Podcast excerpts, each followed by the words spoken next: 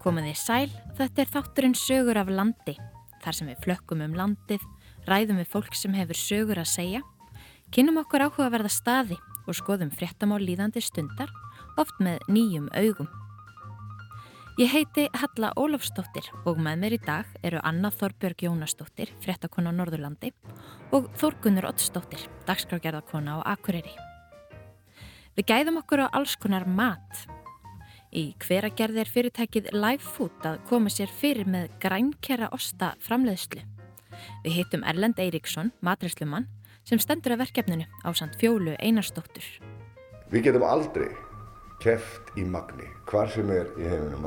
Við erum bara 300.000 af dásalegum uh, einstaklingum, en við getum alltaf keft í hugviti og nýsköpun. Við höldum svo úr hveragerði Norður á land, þar sem við hittum serinu Petrana sem töfrar fram gómsætar kræsingar á bókakaffi á Akureyri. Fólk langar að bara borða hotla mat. Það bara skiptur yngum alveg hvort að sé eitthvað kjót eða, eða fisk mm -hmm. en hotla mat er bara, já, mikilvægt. Og að lokum skellum við okkur á rúndin með Þorgunni Ottsdóttur í nokkrar bílalúur á Akureyri og fáum okkur eina pilsu eða tvær en það akureyskar pilsur alveg sér á báti. Sko, það er brjála að gera pilsusölunni hérna hjá okkur sko. Þú veist, Akin specialpilsan með frönskum og ost og krytti og því. Hún er geysilega vinsal hjá okkur. En við byrjum í hveragerði. Fyrirgeðu, númer hvað er þetta hér? Ekki hugmynd. Nei, ok. Fyrirtækið Live Food fekk nýlega varanlegt þak yfir höfuðið. Ég reyndar í smá basli með að finna rétta húsið, en ekki mjög staðkunnuði í hveragerði. Ella? Elli, já, hann er hérna. Hérna mig? Á þessum húsu. Ok, gengja. Þessi kona sem byrtist allt í einu í glugga og annari hæð, vissi sem betur fer hvert ég ætti að fara og við enda húsins fann ég réttan ingang. Halló? Ég heiti Erlendur Eiríksson Kallaður Elli. Við erum í hveragerði í Östurmörk átján sem var áður fallegt yðnaðabil en er nú að breytast í fyrstu vegan grænkera óstakið á landinu. Já, þetta er tímumót hjá ykkur. Segð mér aðeins frá fyrirtækinu sem að þið stopnum samt fyrir nokkrum árum, er það ekki? Jú, uh, fyrir cirka fjórum, fjórum hóla ári síðan stopnum við fyrirtæki sem heitir Life Food sem við fengum út frá því að uh, pabbi minn sem var vélstjóri bæði hérna á Íslandi og, og í Alaska veiða krabba. Fór síðan og lærði að vera uh, lifandi fæðis sérfræðingur var, uh, var framkvæmdastjóri Ann Wigmore Foundation í Bandaríkjónum sem að kölluðu sko móðir kveitigrass savans og eins og hann sjálfur kallaði sig mannlegu pípurvækningamæður eða colonic therapist en hann stopnaði heimasíðu þegar hann kom til Íslands, bjóð í Bandaríkjum 25 ár, sem að hann skýrði live food, lifandi fæði. Og uh, þegar hann lest það tók ég við í lefni og það passa bara svo vel við það sem við verum að gera. Mm -hmm. uh, af því að þetta er lifandi fæði. Við ætlum að búa til uh, plöntumat, einbit okkur af því. Ég hef nú lærið matræslu meistari, var þegar ég fekk þessa flugu í höfuði, var yfirkokkur á skýrgerðin hérna í Köragerði. Setti upp skýrsýningu og og myndefni og var framkvæmdastjórið þar líka yfir og, og það var svona grill steikhús en uh, fór í hjartavend og læknirinn segði að ég þetta annarkvæmt að breyta um lífstíl eða fara á kólistur og lækandi líf sem eftir ræðinar mm -hmm. og ég segi hvað, ég er ekkert ég er ekkert þippin, skilur ég er bara maturslu mestari, skilur og þetta fór bara svona jáft og þétt um allan líka mann þannig að ég bara en ég vissi það náttúrulega í gegnum fæði getum að gert ímislegt og uh, ákvað bara sjálfur að prófa þetta. Var ekki mikið fyrir að fara í halda því út að geta farið í ræktina eða, eða lifa á hörbólag þannig að ég vissi að ég væri maturilsmeistari og ef ég get ekki búið til góða mat úr þessu, já hvað maður að segja, meðlæti, þá var ég nú ekki góðu meistari mínu fæði. Eh, þannig að ég bara ákvaða að snúa þessu dæmið til þess að prófa þetta. En vissi það að vandræðin væru, að ég er mikil selgeri, það væri majónes, ég elskar bröðtertur og það væri líka smjör, mm -hmm. en uh, það voru tveir hlutir sem að var eiginlega ekkert mál að búa til. Já. En erfiðasti parturum var ostar. og þeir osta sem voru á markaðanum hérna, það, þetta var alltaf, maður vissi ekki alveg hvort maður var að borða plastbókan eða, eða ostin sjálfan en uh, það, það er bara eins og það var en ég fór og gerði bara rannsókn og ég fann ostagerðamann út í Þýskalandi ostagerðameistari sem hafði fært til Sviss til að læra hefðbundna ostagerð og var að nota sömu aðfyrir og gerðla til þess að búti kamembert og gráðast og þetta fannst mér eitthvað mjög spennandi þannig að ég ákvaði að skella mér bara í Viking fór til Þýskalands og ég læriði blöndu matarostagerð mm -hmm. blöndu, ostagerð og ég fór að hugsa þegar ég kom hana, ég ætla bara að vona til almætti sinns að þetta sé gott að bræði þetta leit vel út bæði á myndum og svo við sáum þetta og, og þegar ég smakkaði þetta þá bara hugsaði ég, já, já nú get ég ekki beðið eftir að koma til landsins. Aftur til Íslands og fara að búa þetta til hérna. En úr hverju var hann að búa til sína osta? Hann var að búa þá til úr kassjúnetum og uh, kókosolju sem er, var alveg magnað gott og flott. Og ég fór að gera tilraunir hérna heima konið minni til mikillar gleði mm -hmm. þar sem að ég fekk bara kælir inn í, í þóttahúsi á okkur og ég stilti hann bara af og svo fór ég að gera bara inn í eldhúsi sem að tilraunir og þetta gekk alls mjög vel upp en ég hugsaði alltaf uh, þetta er allt gott og gilt og þetta er mjög spennandi en getum við ekki reynda að finna, finna eitthvað ráefni sem við, sem við ræktum hérna á Íslandi að víst, við viljum stöðla náttúrulega sjálfbarni og, og þjóðar uh, fæðu öryggi og þetta, víst, það er svona, það skiptir svo miklu móli af því að sérstaklega hérna á Íslandi við getum aldrei keft í magni, hvar sem er í heiminum. Við erum bara 300.000 af dásalegum uh, eindaklingum en við erum bara svona eins og einn lítil gata í New York, uh, eitt lítið hverfi, þannig að, en við getum alltaf keft í hugviti og -hmm. Og eigum náttúrulega dásalega fyrirtæki sem að eigum uh, getum alveg sínt fram á það. Þannig að ég hugsa að já, við þurfum að finna eitthvað sem við rektum hérna á Íslandi og það lítur að verða búið til ágeða osta úr því. Mm -hmm. Og ég laðist bara í alls konar tilhörnir og, og rannsóknir og uh, náði að þróa að búa til, að því ég fór líka að hugsa, hvað, hvað eigum við, hvað rektum við hérna svona í stórumagni og það er nú ekkert um auðvanagarða gresja, við erum náttúrulega först mjög nála norðubólum þannig að, að við erum ekki alveg Uh, eins heppin og í öðru löndum í sambandi við veðufar þannig að við erum svolítið takmörku á því sem við getum framleitt. En við, það sem við framleiðum er hágæða og gott. Og ég náði að þróa að búa til ost úr kartöflum. Það getur við sannlega rækta Við getum gert það. Jarðeflin hafa haldið okkur lífið sko. og eru mjög hóll og góðu sko. og uh, svo átt að vera í fyrstu skriftinu sem ég var að þróa þá átti að vera sojamjölk en við erum ekki með mikið að soja öfgrum hérna á Íslandi. En við, það er, það er þá aðalega sko feitanum og mjölkin sem að, blöndum mjölkin sem að ég fór að skoða líka. En ég veist að já, havrarækt og byggrækt er orðin mjög góð hérna á Íslandi. Og vaksandi og mjög vaksandi mm -hmm. og ég náði bara búa til uh, haframjölkina og ákvaða að nýta hana og, og svo fór ég að gera tilhörnum bara með ólífunu, jú, við höfum repjuna.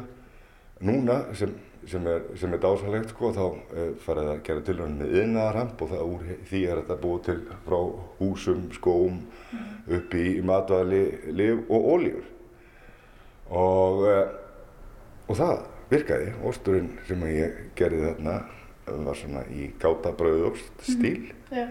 með uh, mikla möguleika í að leika sér með, eins og maður segir. Mm -hmm. En uh, það, það, það sem var svona mest spennandi við að, að þetta hefnaðist það vel, ég gæti rifið hann niður, ég gæti sneitt hann, ég gæti brætt hann, hann var mm, rosalega góður á bræðið og þegar ég var að taka myndir að þessu út í garði þá kom Kísi á maður að næða sér í bita. Mm. Ha! Wow, og hann er rosalega matvöndur kötturinn okkar þannig að ég var, já, ok, þarna hefur við eitthvað í höndunum Gæðamerki Gæðamerki, sko en svo skipti það okkur miklu máli sko, að, að hafa reyna að hafa sjálfbærðina mm -hmm. af ofni og náttúrulega orkugjafa Og þá kemur náttúrulega hveragerði rosalega stert og fluttum hérna fyrir rúm sjö ára síðan. Við kallaðum þetta hver og paradísó, eða svo gott að búa hérna. Og uh, hérna náttúrulega kemur gufustrókurinn úr uh, öllum fjöllum og hér er um, um, um nóg að, að uh, náttúrulegum orkugjöfum. Þannig að það eru búið að fara cirka fjögur ár í að reyna að finna rétta húsnæðið og, og, uh, og prófa sjá áfram. Og ég veit líka, sko, ég er náttúrulega með 30 ára reynslu sko í, í matvælaðinnaðum og ég sett upp veitingahús og ég veit alveg hvað hvað þetta er erfitt og þá skiptir rosalega miklu mála að grunnurinn sé góður Já.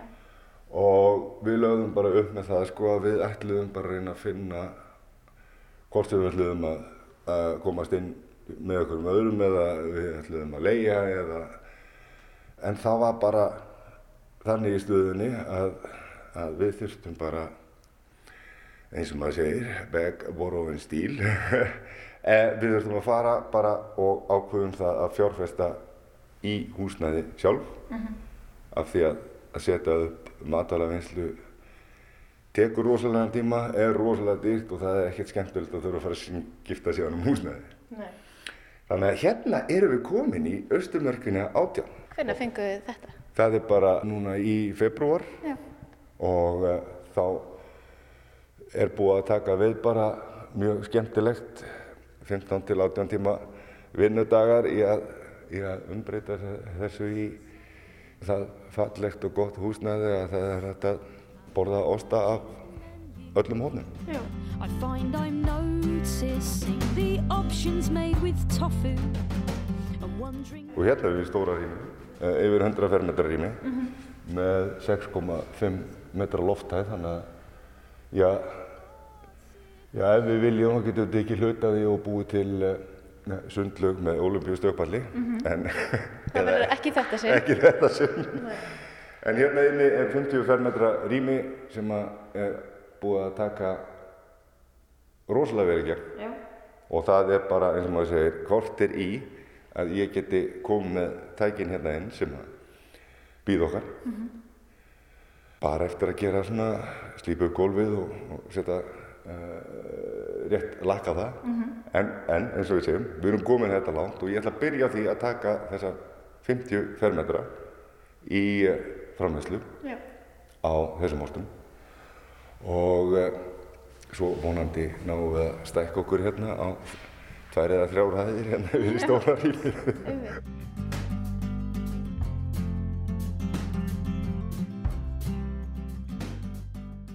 Við vorum bara svo heppin að eiga stuðninga óbúslega góðu fólki í kringum okkur. Við uh, settum inn á Karolina Fond þar sem að var yndislega viðbröð þar sem að, já, uh, fólk sem að við bæði þekkjum og þekkjum ekki neitt Nei.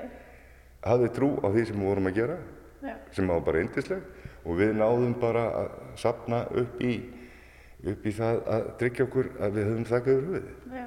og það er það skiptir rosalega miklu máli að við vitum það og svona nýsköpunar og, og, og þróunarverkefni að, að þetta er alveg óbósteitt langlöp, þetta er rosalegt marathón og það er svo miklar líkur eins og sagt er 95-99% af svona nýsköpunar og þróunarverkefnum þau leggjast af af því að, að fólk, maður hefur bara ekki úthald eða, eða, eða forðað til þess að ná að halda þetta út. Af því það er, maður þarf líka að eiga fyrir kjötfarsi fyrir familíuna.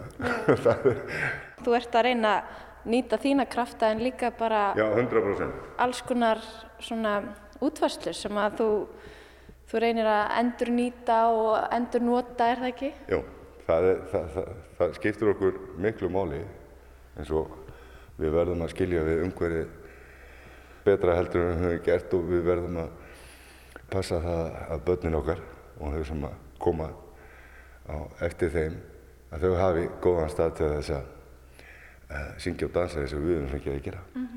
Þannig að það skiptir rosalega miklu máli og við, við hendum alltaf mikið að hlutum og ég hef verið og meðan við vorum að reyna að finna okkur húsnæði og þá, þá var ég svolítið í því að sapna mér hlutum sem ég vissi að myndi nýtast þegar þetta verkefni fari í gang. Já. Og það var nú kannski ekkert alltaf skemmtilegt sko það sem að þá kallaður Elli Ruslakall allt í hennu. Hvað er þetta að geima allt þetta? Og ég segi, já, bindu bara, bindu bara. Þannig að eh, mikið af hlutunum sem við höfum núna til að koma okkur af stað höfum við fengið sko í eh, eins og endursölunni eða endurvíslunni. Þetta er sko, þetta eru hlutir sem að fólk hefur kannski uh, ekki haft nótverið, vil ekki geima, en sem að er svo flott í staðin fyrir að henda þessi úrvislið þá er þetta sett á staði sem að er hægt að halda áfram að byggja úr þessu. Af því að það er ekkert sem getur stoppað okkur í að halda áfram að, að búa til og skapa eitthvað sniðut af því að við höfum sko við höfum ímyndarnafli Viltu sína mér eitthvað dæmi um eitthvað sem ert að endur nota? til dæmis uh, hérna upp á uh, efri hæðin okkar Já. þá erum við með, með aðstöðu fyrir fyrir starfsfólk og skrifstofu og heldur og kaffi Já. og uh, hérna erum við með þetta rosalega fína blanka parkett Já. sem að var auðlist til gefins Sér ekki á því. Nei, þetta er, þetta er tveggjara parkett sem að var lítið labbað á eins og sagt var og það var bara sett hérna ef ykkur vill þá má koma og segja þetta þannig að ég, ég hringdi í familíuna því að ég býði hver að gera þetta verið Reykjavík og ég sagði ertu til í að setja miða á sem er frátekja og ég brunaði bæinn og þetta var sagt já þetta þetta geti passað á svona 25 25, jafnvel upp í 30 fermetra Þetta er meira það. Ég náði, ég náði með plankastrekkjara, nei, ég náði að setja þetta á 40 fermetra. Já, vel gert. En ég held að það verið einn spýta eftir. Já. En það var bara svo vel tekið saman og uh, vel gengið frá því að, uh, að það var hægt að nýta þetta aftur. Og það er aðeinslegt. Þetta er kannski svolítið líkil atriði þegar þið eru ennþá í starthólunum og eru ennþá að reyða ykkur á, á styrki og, og í rauninu svona bara komast dag 100%. frá degi áfram í þessu. Þetta, þetta, þetta skiptir allt svo rosalega miklu máli og, og eins og ég sagt sko, þó ég, er ekki einn í þessu af því að maður er aldrei eiland eins og maður segir. En jú, ég er að nýta mína krafta og, og er náttúrulega búin að sanka að mér eins og kona minn nú, ö, mikið af, uh, af mentunum af því að forvitnin er það mikil og uh, er, er uh, lögfræðingur, er leikari, er matreyslumeistari, en byrjaði að læra flug, Já. en svo hefði ég byrjað á að vera í rafvirkjun. Þetta nýtist nú allt nema kannski flugið. Þangar til þú ferð Jú, að maður flytja þarf að út. fara á flug. Já. Maður er alltaf að komast á Og flug. þangar til þú ferð að flytja út ostana. Já, þá get ég bara flóið með þetta sjálfur. Þetta er ekki vandamáli, sko. Nei, það, það skiptir allt máli. Maður á yndislega vinni og fjölskyldu sem að eru öll að vilja gera til þess að koma og hjálpa manni, en það hefur yfirleitt verið alltaf ófært yfir reyðina. En eh, þau hafa komið hérna eins mikið og þau geta að hjálpa og það er náttúrulega bara ómetanlegt að hafa bara svona gott fólk í kringum sig.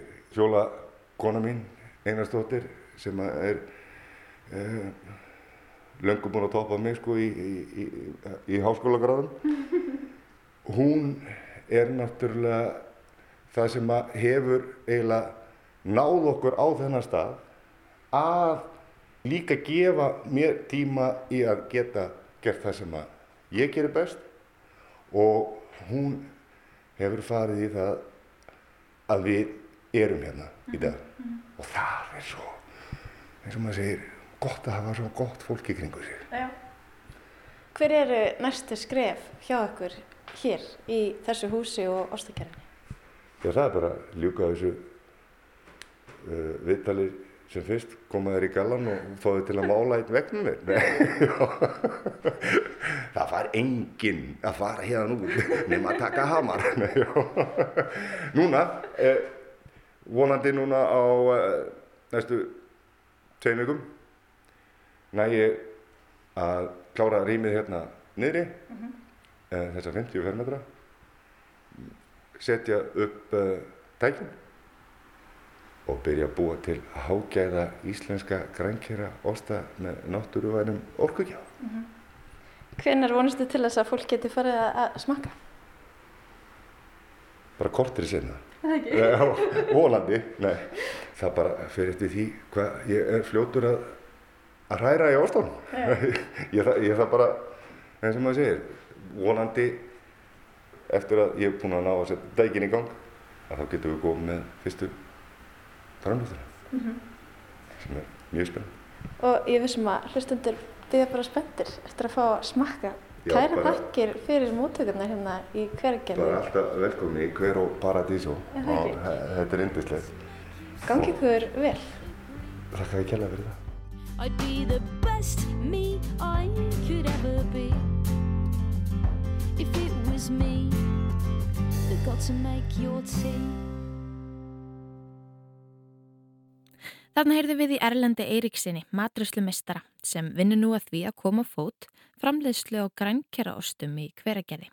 Á samt konu sinni Fjólu Einarsdóttur sem er framkvæmdastjóri fyrirtækisins. En úr hveragerði höldum við norður á Akureyri. Anna Þorbjörg, þú rættir við konu úr þínu næsta nákværinni. Jú, ég þurfti ekki að leita langt yfir skamta viðmælanda þessu sinni. Hinn með við götuna hérna á Rúf Akureyri er amtsbókasafnið en það er líka veitingasala og þanga fer ég reglulega og, og við sem vinnum hérna og fáum okkur eitt besta hátegismat sem um getur. Og hver er það sem eldar svona góða mat? Það er en ítalska Serena Petrana sem töfrar fram kreisingarnar á orðakaffi. Ég fór að hitti hana þegar hún var í miðjum klíðum við að græja hátegisverðsdagsins en hún hafði svo sem nóg að gera en gaf sér smá tíma til að, að ræða við mig.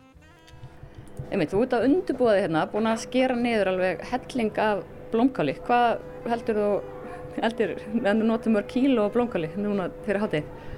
Uh, ég held, ég er búin að skrifa niður, uh, það var sko fyrir sveppir þrjú kíló en uh, það er örgulega bara, já, ég er búin að skrifa niður svona 6-7 blómkál. Ég veit ekki hvað er nákvæmlega af kíló en, en það er bara nú, vonandi. Þú ert líka hérna að baka kökur, hvað kaka er hérna? Hérna, það er uh, gúrrótaköku sem er svo vinsælt í síðustu tími. Við erum bara að baka hana næstum því að hverjum degi. Og svo ertu með alls konar svona konfekt eða hvað þetta kallar það. Gerur þetta allt sjálf? Já, við gerum allt, allt sem er uh, hér á, á Orðakaffi, það er allt heimagert frá grunni og gerum það bara hér sjálfur og notum uh, til dæmis belgist súkulaði fyrir súkuladimólar.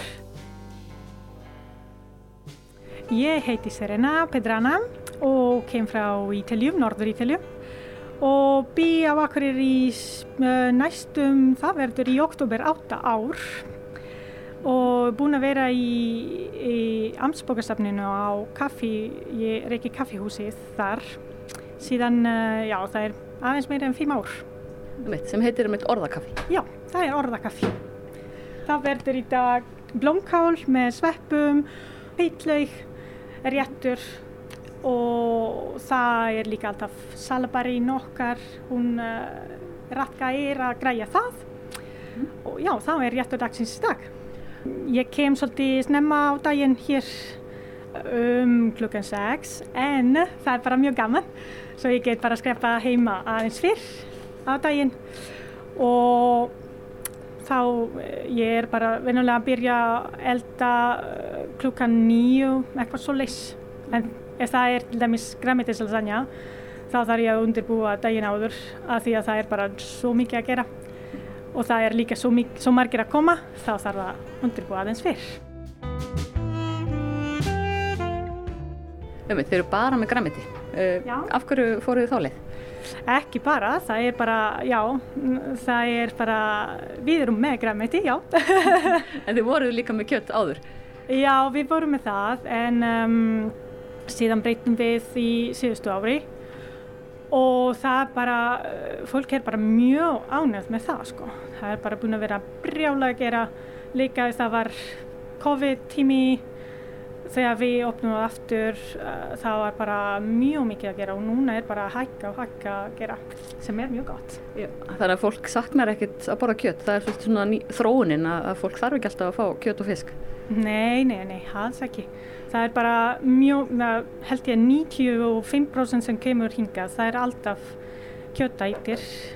kjötætir en, uh, en þau bara, ég spurði um daginn eina sem var alltaf að koma þegar áður en við, kom, við vorum að byrja að vera græmitistæður þá ég spurði bara að hverju þú ert að koma alltaf á fymtudaginn, á fymtudum af því að áður vorum á fymtudum það var alltaf græmitisdagur og það var hún bara að segja ég er bara, ég borð allt, allt en, uh, en ég kann ekkert að elda mat elda, elda græmitismatur og mér langar bara að koma og, og bara veita, uh, bara borða eitthvað holdt og gott sem ég get ekki elda sjálf.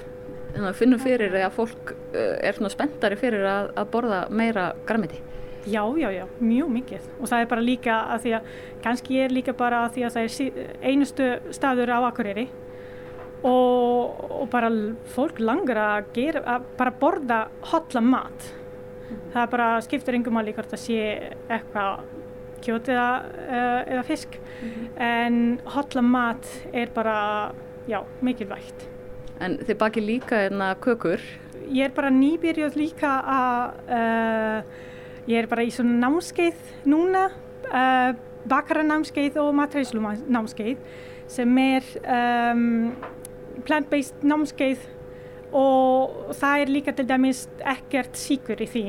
Það við notum ekkert, það er bara að kenna að nota ekkert síkur af því að það er bara hvar, sem er. Það er hvítsíkur, brúnsíkur eða moskóvadosíkur það er bara ekki holdt og gott fyrir líkaminn.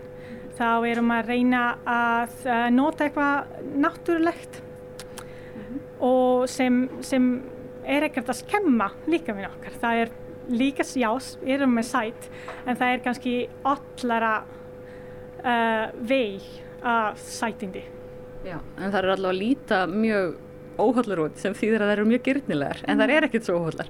Já, það er bara gott að búa til eitthvað sem lítur líka vel út.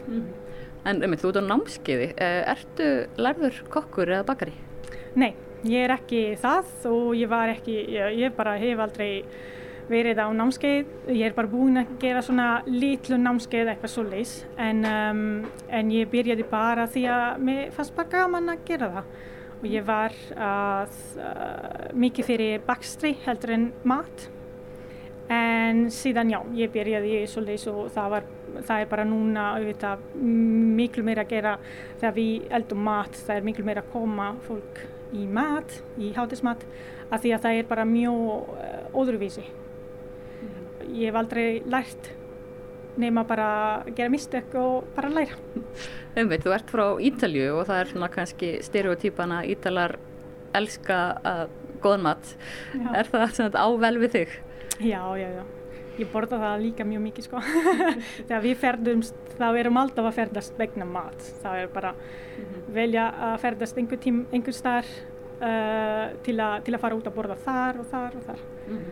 En varstu að byrja að elda þá á Ítalju líka þegar þú veist, ert að fara fjölskyldunni þinni eða hvernig byrjaði svona áhugin á mat?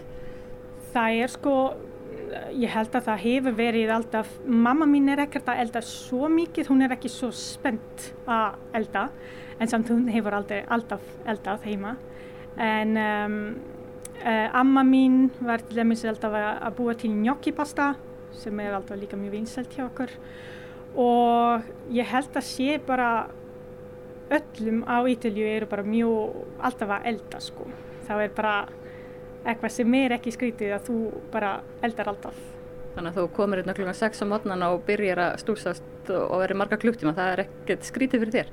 Nei, ekki núna, það er bara ekkert, það er bara miklu betra núna heldur en í, þegar ég byrjaði þá, þá var aðeins lengur dagur en núna er bara alltaf læg, já, já.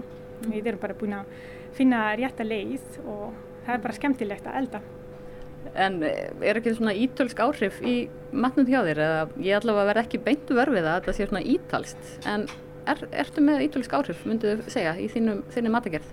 Já, það er sko, við erum búin að breyta mikið og blanda að því að, já, stundum er bara, bara gaman að gera það líka. Þá er ekki bara ítalsku matur en, uh, já, gnocchi pasta og, eða lasagna, það er bara alveg ítalst, það er bara svolítið svo leys. En er ítalar alltaf að borða pasta? Í, mm, kannski já.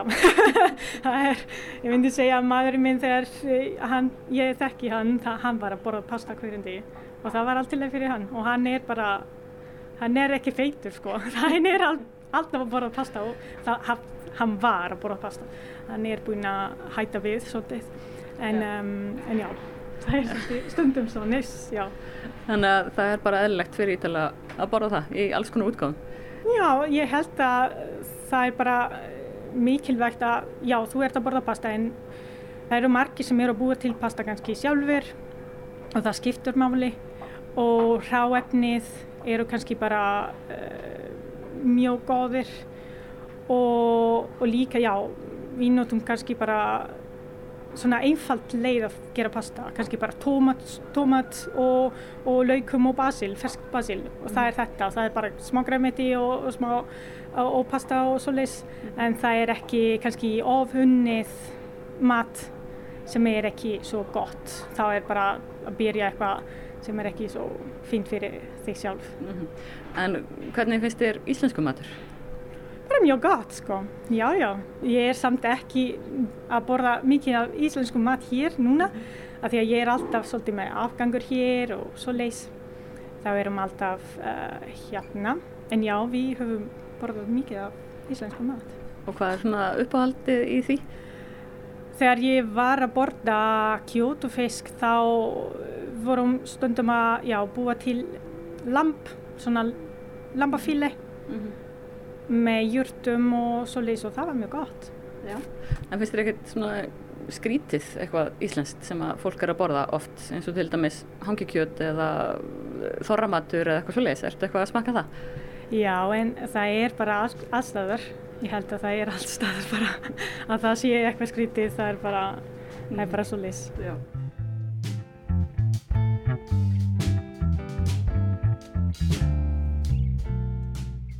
Kanski ef þetta segir mér, af hverju komstu til Íslands?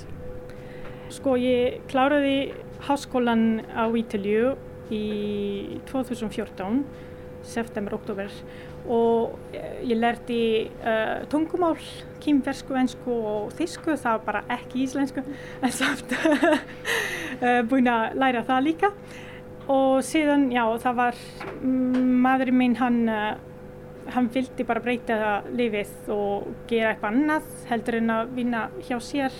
Það, hann var bara að vinna á Ítalju í eina fyrirtæki sem var bara búin að vera þar í 12, meira en 12 ár. Og vildi bara breyta til.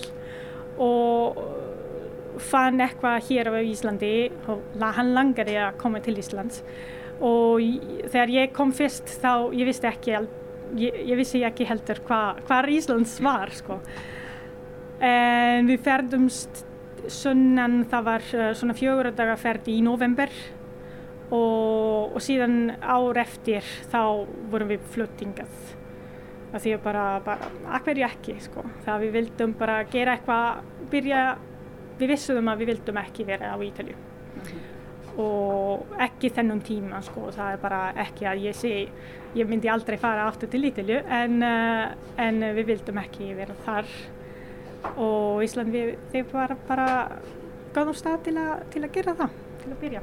En af hverju þá Akureyri? Já, það er, uh, vorum búin að uh, skoða kortið og sagðum bara, já ekki þangat svona langt, langt hér, ekki Akureyri kannski, en, uh, en síðan hann fekk sjálfsbóða líðastarf hér á Akureyri mm -hmm. og það var bara einu stöð sem var að svara og já, bara ákveðum bara að koma hingað. Mm -hmm. Og bara var það auðvelt að koma sér fyrir á Akureyri? Já, já, já. Það, svolítið við finnum að þegar við vorum hér þá fannst okkur að kannski kom, vera komið heim. Það var svolítið svolítið sko. Eða við vorum bara búin að aðkveðja að við verðum ekki að fara aftur til Ítalju. Það var bara búin að aðkveðja að þetta var réttu stað. Mm -hmm. En það gertist. Það er bara, já. Ég mögum segja að það var eins og að koma heim. Hvað er það við Akureyri sem að lætur ykkur líða þannig? Ég veit ekki alveg hvað hva var en uh, við myndum ekki vera í Reykjavík. Það er kannski á stort og svoleiðis og hérna er bara rétt um stærð. Það er bara kósi að vera og já, bara fínt. En þú ert frá Norður Ítalíu, hvaðan nákvæmlega? Já, það er í landamærum Sviss. Það er bara 15 mínútur keira frá Sviss og það heitir Livigno. Það er bara skíðasvæði. Ummitt, þannig að kannski fjöllin sem að leti liða pínu eins og heima. Já, ég er sko, ég held að sé meira maðurinn minn sem var líka að velja að koma til Íslands heldur en ég og ég var bara ekki með aðra hugmynd fyrst og síðan bara, já, akkverju ekki, sagði bara það. Mm -hmm.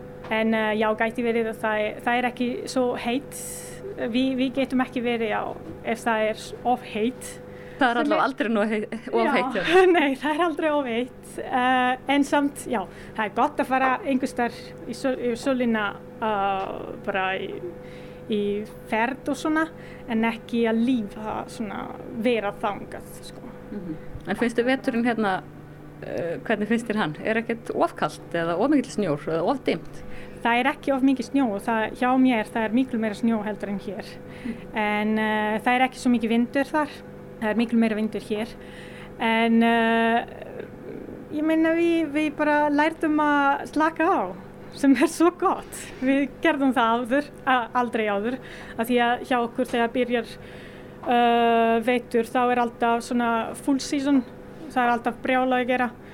En það er auðvögt hér, það er bara gott að slaka á, nennir ekkert að gera neinu, þú gerur bara, neitt, þú gerur bara ekki neitt. Nefna elda allan dag? Já, en, en ekki, til dæmis bara yfir, bara dimmur dagir, það er yfir uh, svona desember og byrjun uh, januar, það er alltaf lokað hjá okkur. Mm -hmm. Það er bara gott að bara slaka og bara sofa allan daginn kannski. Því að við lokað svona yfir hérna desember og januar og farið þá ekkert í burtu eða? Við höfum alltaf gert það að því að já, það áður vorum alltaf að stundum að fara til Ítaljum en ekki alltaf. Þá við erum líka bara búin að vera að reyna að fá okkur batterís aftur. Síðustu ári vorum ekki að fara neinum, við vorum bara hér og bara slaka á. Og fara á skýði? Já, við erum búin að fara á skýði, lagsins, já. Það var bara svo gaman, já. En kannski ekki alveg eins og í, í öllbónum þarna hjá ykkur? Nei, en það er alltaf eitthvað gott samt. Það er, það er bara mjög gott að fara hér. Þú þarf bara að finna réttum degi en uh, sem er ekki all, alltaf einfalt en samt, en samt það er bara mjög gaman að fara að skilja hér sko.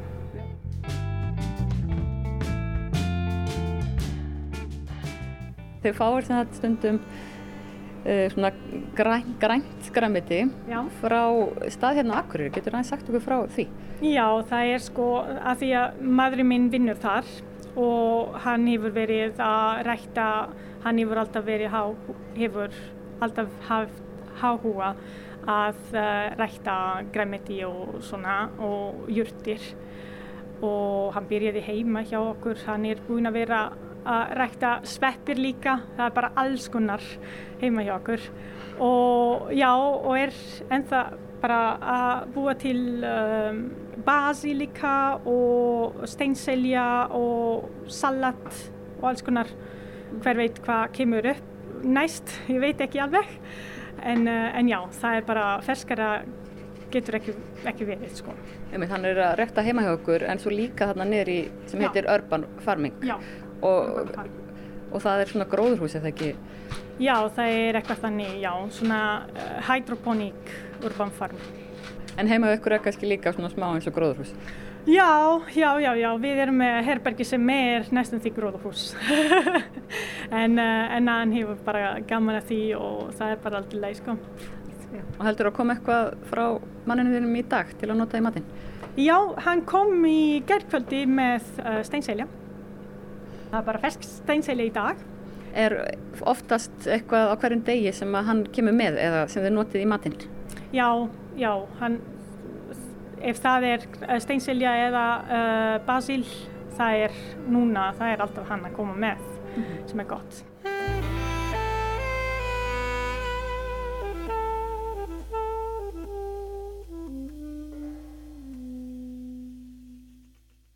Anna Þorbjörg Jónasdóttir rætti við serinu Petranna sem galdra fram mat á bókakaffi á Akureyri.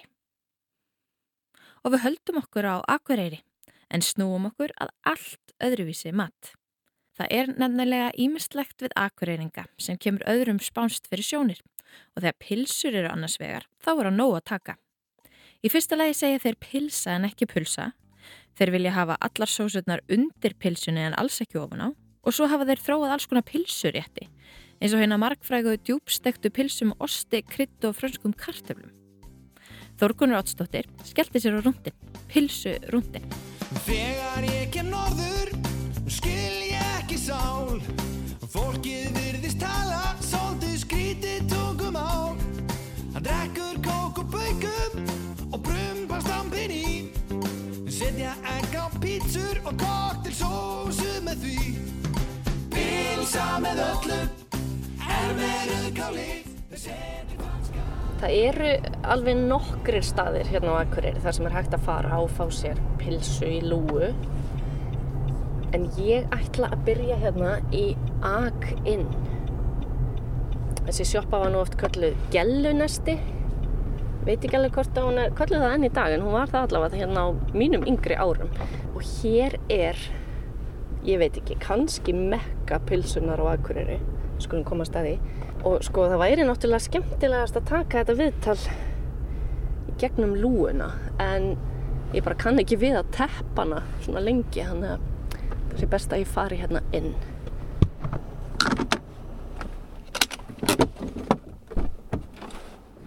Góðan daginn. Ég heiti Vilhelmur Blari Gunnarsson, uh, fólk kalla mig Villa Junior. Ég vinn inn í Aginn og rosalega gaman. Eh, Er það rétt að akureyringar séu sjúkir í pilsur? Það er hár rétt sko, það er brjála að gera í pilsusölunni hérna hjá okkur sko. Þú veist, Aginn specialpilsan með frönskum og ost og krytti og því. Hún er geysilega vinsal hjá okkur. Selst bara í tonnavís bara dagstaglega sko. Er, er það ekki svona réttur sem að, sem að já, fólk tengir svolítið við akureyri? Jú, franskar á milli, það er kennileg dagurinnar. Og, og hverjir eru það helst sem til dæmis koma og fá sér þann rétt? Sko, reykvinganir að fólk frá sunnan og á landi eru mjög duglega að koma hérna að fá sér, þú veist, bakur er spesial, þú veist, pilsu, hambúrgar og samlóku. En pilsan er alltaf vinsalust. En eh, já, djúbstekt pilsa með osti, krytti, frönskum, sko, þetta er engin smá máltíð. Já, þetta er góð máltíð, sko. Maður verður alveg sattur eftir eina svoleiðis. Já. En verður við varfið það kannski að fólk komi, kannski að sko brottfluttir aðgröningar komi sérstaklega til þess að fá sér svo leiðis þegar þeir eru í bænum? Já, ég menna að þú veist, það er hellingur af fólki sem bjóða á Akureyri og þú veist, þetta er náttúrulega búið að vera lengi hérna. Þannig að þeir koma alltaf hingað og segja þetta sé skildi, eða skyndi stopp hérna, sko. Og fá sér akinpilsuna. Það er svona skilda fyrir Akureyringana, sko. Já. Geta ekkert farið aftur suður fyrir þeir eru búin að sporða hérna einnig svo leiðis? Nei, það var eiginlega bara glæpur, sko. Já. En eins og núna, eh, nú er hádegið nýbúið, er fólk að koma bara að fá sér pilsu í hádegismat? Já, það er mjög vinsalt, sko. Líka bara, veist, að koma í úr vinnunni og koma hérna við og grípa hérna pilsu með sér. Og bara leiðinni heim og bara, þú veist, bara allt mögulegt, sko. Ert þú sjálfur hrifin af pilsum? Ég elska allan akipilsuna, sko. Hún bara, ég eiginlega bara ólst upp við hana, sko. Svo þegar maður bjó í Danmörku sem stöðum að koma til Akureyrar, þá þurfti maður að koma að hinga og fá sér hérna akipilsu eða gelgju. Já. En nú eru samt danir, þeir eru nú svolítið þekktir fyrir sínar pilsur. Já, En ekki, á skoður. ekki, það á ekki róðið okkar, sko. Nei. Það er bara svoleiðis.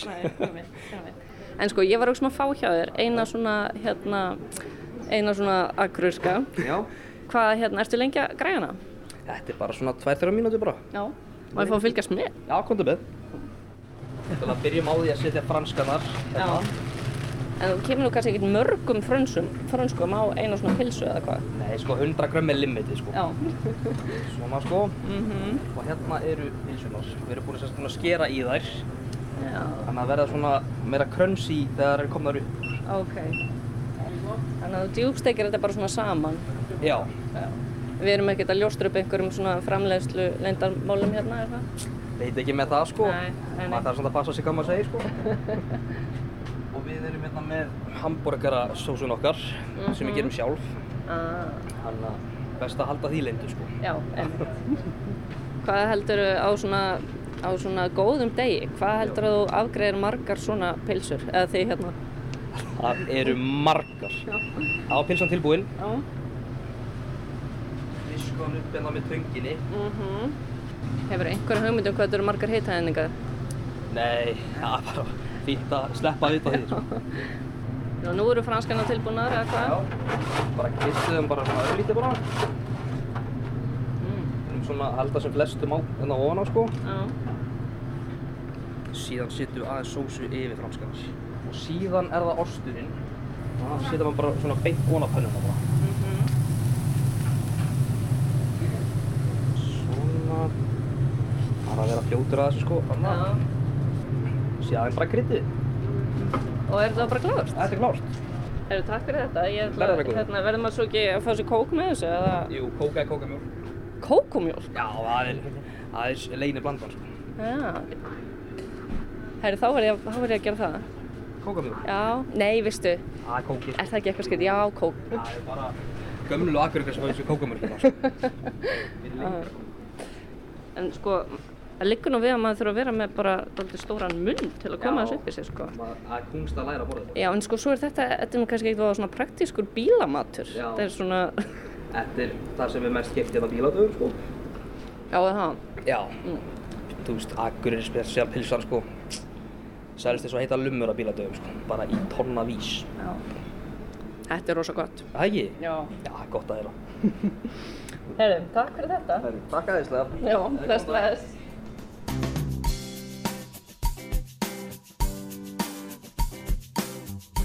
Og úr AK inn fyrir við niður í miðbæ.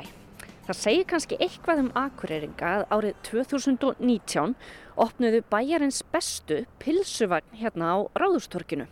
Honum var lokað eftir svona fjóra mánuði minni mig og það var haft eftir rekstraraðilanum að það væru ekki forsendur fyrir svona rekstri hér á Akureyri. Nei, þessar reikvísku bæjarins bestu henduðu ekki fyrir akureyrskan markað en hérna í Hafnarstrætunu er hins vegar pilsuvagn sem hefur vakið landsatikli fyrir frumlegar pilsur. Já, hérna eru myndir af öllum pilsum á matseli. Við þetta getur maður að fekja sér bara eitthvað svona hefðbundið og það er vissulega á matselinum pilsa með öllu. Svo er líka á matselinum akureysk pilsa með öllu, sé ég. Og henni er þá rauðkál og koktelsósa til viðbúttar við allt þetta svona hefðbundna. Svo er hérna pilsa með blámeglu osti og byrju hvað er þetta? Já, pilsa með brættum osti og svona litlum pepperoni sneiðum ofan á. Ég hef nú ekki smakkað þetta en, en ég ætla að fá mér eitthvað. Góðan daginn. Er brjálað að gera alltaf í hádeginu? Já, holde já. Já, já. Tomas Piotr Kujawski. Ég kem frá Póland. Ég, ég á pulsuvagni 8 ár, búinn 8 ár. Já. Eh, Hvað ertu eiginlega með margar pilsur á matselinum hérna? Ég haf núna 15 pilsa og líka vegan pilsa fyrir svona fólki hvað borða ekki kjöt. Já. Hva, hvaða pilsa er vinsælust? Jó, turista vil svona regional pilsa, þessi er nummer 8 með rauðkál, rauðkál, gamla pilsa frá Akureyri, að bara oft selja venjuleg pilsa, venjuleg pilsa Já. með öllu. Með öllu, ekki fyrir Reykjavík, koktæsósa. Koktæsósa bara Akureyri fólk. Það bara svona. Já, emmitt. En ég sé hérna til dæmis að þú ert með eitthvað hérna sem heitir Volcanic Dog. Hva, hva, hvað er þetta eiginlega? Þá ertu með sko, hvað, eiginlega svart pilsubrauð. Þessi svart pilsubrauð er bakari er bara fyrir mig Já. af því að þessi humulit frá mér og fólki er gaman og vulkan á Íslandi að hjálpa að ég vil ekki segja hvað er recept. Nei, nei. Þannig að þetta er svona hálfgerð eldfjalla, eldgosa pilsa. Já, þetta er svoleiðis, ef það kemur springja gos, ég strax spá að þetta líka gott. Já, Og margi turista og líka Reykjavík fólki, þannig að gaman að smaka, prófa. En er mikil pilsumenning í Pólandi, er það ekki? Er Póland ekki svona, það er nú mikið pilsuland. Að Pólandpilsa er ekki sama. Hér er Íslandpilsa sem er eh, lambakjöt og pilsa á Póland er bara svínakjöt. Þessi frá fólki frá Póland segja mikið betra pilsa hér hvað í Póland. En þú ætlar ekkert að fara að selja pólskar pilsur, bæta þeim á matseðilinn? Nej, ég vil ekki selja polska pylsu hér. Af hverju? Af því að ég lifa, lifa hér, Ísland, og ég er...